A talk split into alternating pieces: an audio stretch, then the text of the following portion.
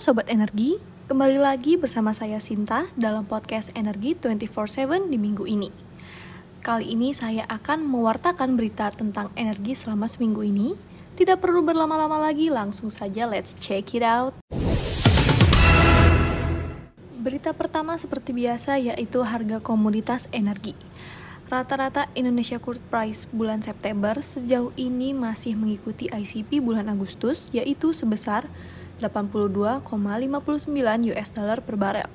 Per 29 September, harga minyak West Texas Intermediate saat ini berada di kisaran harga 91,76 US dollar per barel. Sementara harga minyak Brent saat ini berada di kisaran harga 93,17 US dollar per barel dan harga batu bara acuan bulan September 2023 ditetapkan sebesar 133,13 US dollar per ton. Dan yang terakhir, Newcastle Crude Price per 29 September 2023 tercatat sekitar 160 US dollar per ton. Berita selanjutnya, minyak dan gas bumi. Produksi minyak dan gas PHE tumbuh 1,45% dalam 3 tahun dalam kurun 2020 hingga 2023 terjadi pertumbuhan produksi migas sebesar 1,45 persen hingga Agustus 2023. Pertamina Hulu Energi mencatat total produksi year to date sebesar 1,4 juta barel minyak ekuivalen per hari, yang merupakan gabungan dari 570 ribu barel minyak per hari serta 2.760 juta kaki kubik gas per hari. Hal ini dihasilkan dari penyelesaian pengoboran 502 sumur pengembangan, 500 workover atau kerja ulang pindah lapisan, dan 21.764 well service well intervention atau reparasi dan intervensi sumur. Berita selanjutnya batu bara dan mineral.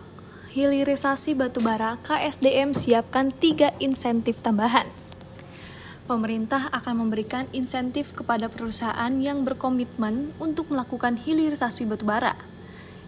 Insentif yang akan diberikan di antaranya adalah pengurangan tarif royalti batubara khusus untuk gasifikasi batubara hingga 0%.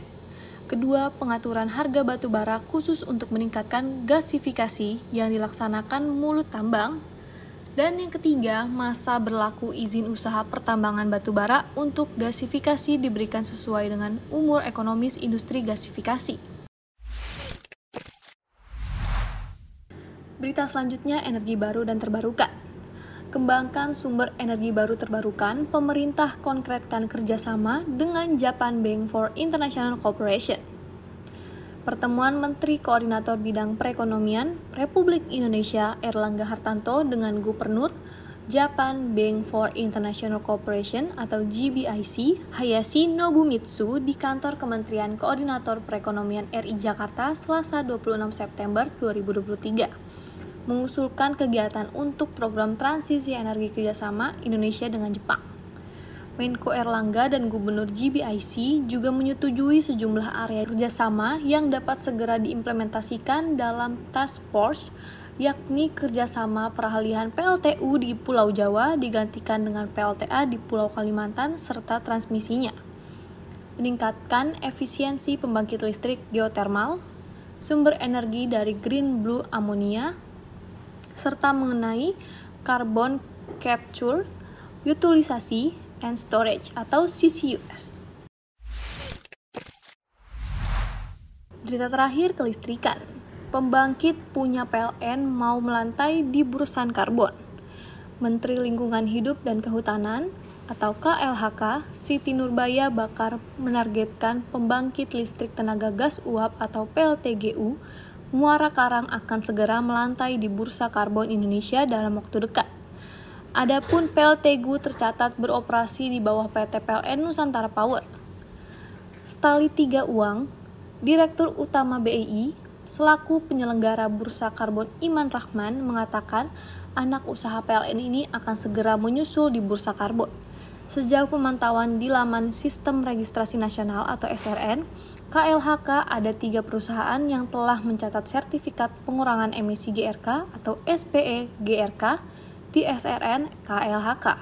yakni PT Pertamina Geothermal Energi Tbk atau PGEO, PT UPC Sidrap Bayu Energi, dan PT PJB UP Muara Karang. Demikian podcast Energi 24/7 yang saya wartakan. Nantikan podcast Energi 24/7 berikutnya. Jangan lupa ikuti semua sosial media PYC yaitu ada YouTube, Instagram, Facebook, dan LinkedIn. Terima kasih dan sampai jumpa.